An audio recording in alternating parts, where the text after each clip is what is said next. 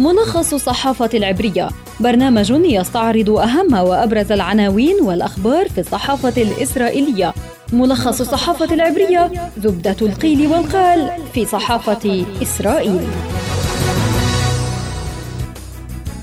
تحياتي لكم مستمعينا إليكم ملخص الصحافة العبرية. معكم في الإعداد والتقديم عبر شبكة أجيال الإذاعية خلدون البرغوثي وأستعرض أبرز العناوين التي تناولتها وسائل الإعلام العبرية صباح اليوم. صحيفة هآرتس عنونت قتيل في عملية كريات أربع. ابنه ومستوطنان آخران أصيبوا في العملية ومقتل المنفذ بالرصاص. مبعوث الأمم المتحدة إلى الشرق الأوسط يقول عدد القتلى في الضفة في عام 2022 هو الأعلى منذ عام 2005 يديعوت أحرونوت عنونت القتيل في العملية أب كان مع ابنه. المنفذ أطلق الرصاص من بندقية إم 16 باتجاه مسعف ورجل أمن وعن انتخابات الكنيسة تكتب يدعوت أحرنوت 20% من العرب لم يحسموا رأيهم. وهؤلاء هم الذين سيحددون نتيجة الانتخابات. إسرائيل هيوم تعنون عملية إطلاق نار على مدخل كريات أربع قتيل ومصاب بحالة خطرة ومقتل المنفذ. في القناة الثانية عشر عملية الخليل جرت في موقعين والمنفذ ينتمي لحماس. في صحيفة معاريف يائير لبيد يقترب من نتنياهو في عدد المقاعد. وفي موقع والله وزير الخارجية ومستشار الأمن القومي الأمريكيان يعبران للرئيس الإسرائيلي إسحاق هرتسوغ عن قلقهما من إمكانية تولي إيتمار بن كفير منصبا وزاريا إذا فاز نتنياهو في الانتخابات. هيئة البث الإسرائيلية تكتب الأحزاب العربية في محيط نسبة الحسم. الطيب وعود قلقان من تحول بعض ناخبيهم لصالح التجمع. ومعد استطلاعات القناة الثالثة عشر يقول الانتخابات معقدة ودرامية.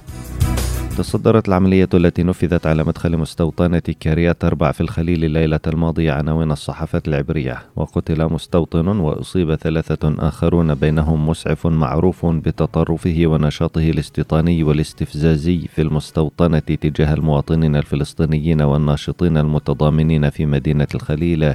ويدعى المصاب وهو معروف جدا لدى المواطنين الفلسطينيين عوفر أحنة ووصفت حالته بالخطيرة. فيما لم يكشف حتى لحظة إعداد هذه النشرة عن هوية المستوطن القتيل وأطلق منفذ العملية محمد الجعبر الرصاص من بندقية إم 16 على مستوطنين في مركبتهما. ولدى وصول ضابط الأمن في مستوطنة كريات أربع يرافقه أحنة فتح الجعبر النار عليهما فأصاب أحنة فيما قام ضابط الأمن بداسه بمركبته المصفحة ضد الرصاص وأطلق جندي الرصاص على الجعبري ما أدى لاستشهاده.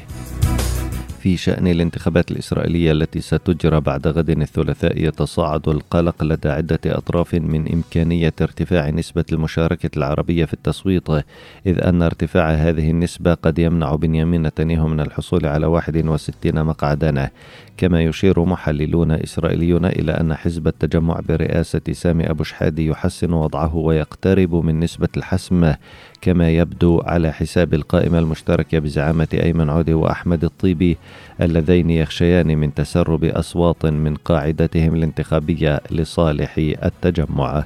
وفي الولايات المتحدة ذكر موقع والله أن وزير الخارجية الأمريكي أنتوني بلينكين ومستشار الأمن القومي جيك سوليفان عبرا للرئيس الإسرائيلي إسحاق هرتسوغ عن قلقهما من إمكانية تولي عناصر متطرفة في إشارة إلى إتمار بن كفير منصبا وزاريا في حال فوز نتنياهو في الانتخابات وأشار إلى أنه سيكون من الصعب على الإدارة الأمريكية العمل مع مثل هؤلاء. وطلب هيرتزوغ من المسؤولين الأمريكيين التروي وعدم إصدار أحكام مسبقة بناء على نتائج استطلاعات الرأي وانتظار ما سيحدث بعد الانتخابات وتشكيل الحكومة. نهاية حلقتنا من ملخص الصحافة العبرية أعدها وقدمها لكم عبر شبكة أجيال الإذاعية خلدون البرغوثي. أطيب التحيات إلى اللقاء.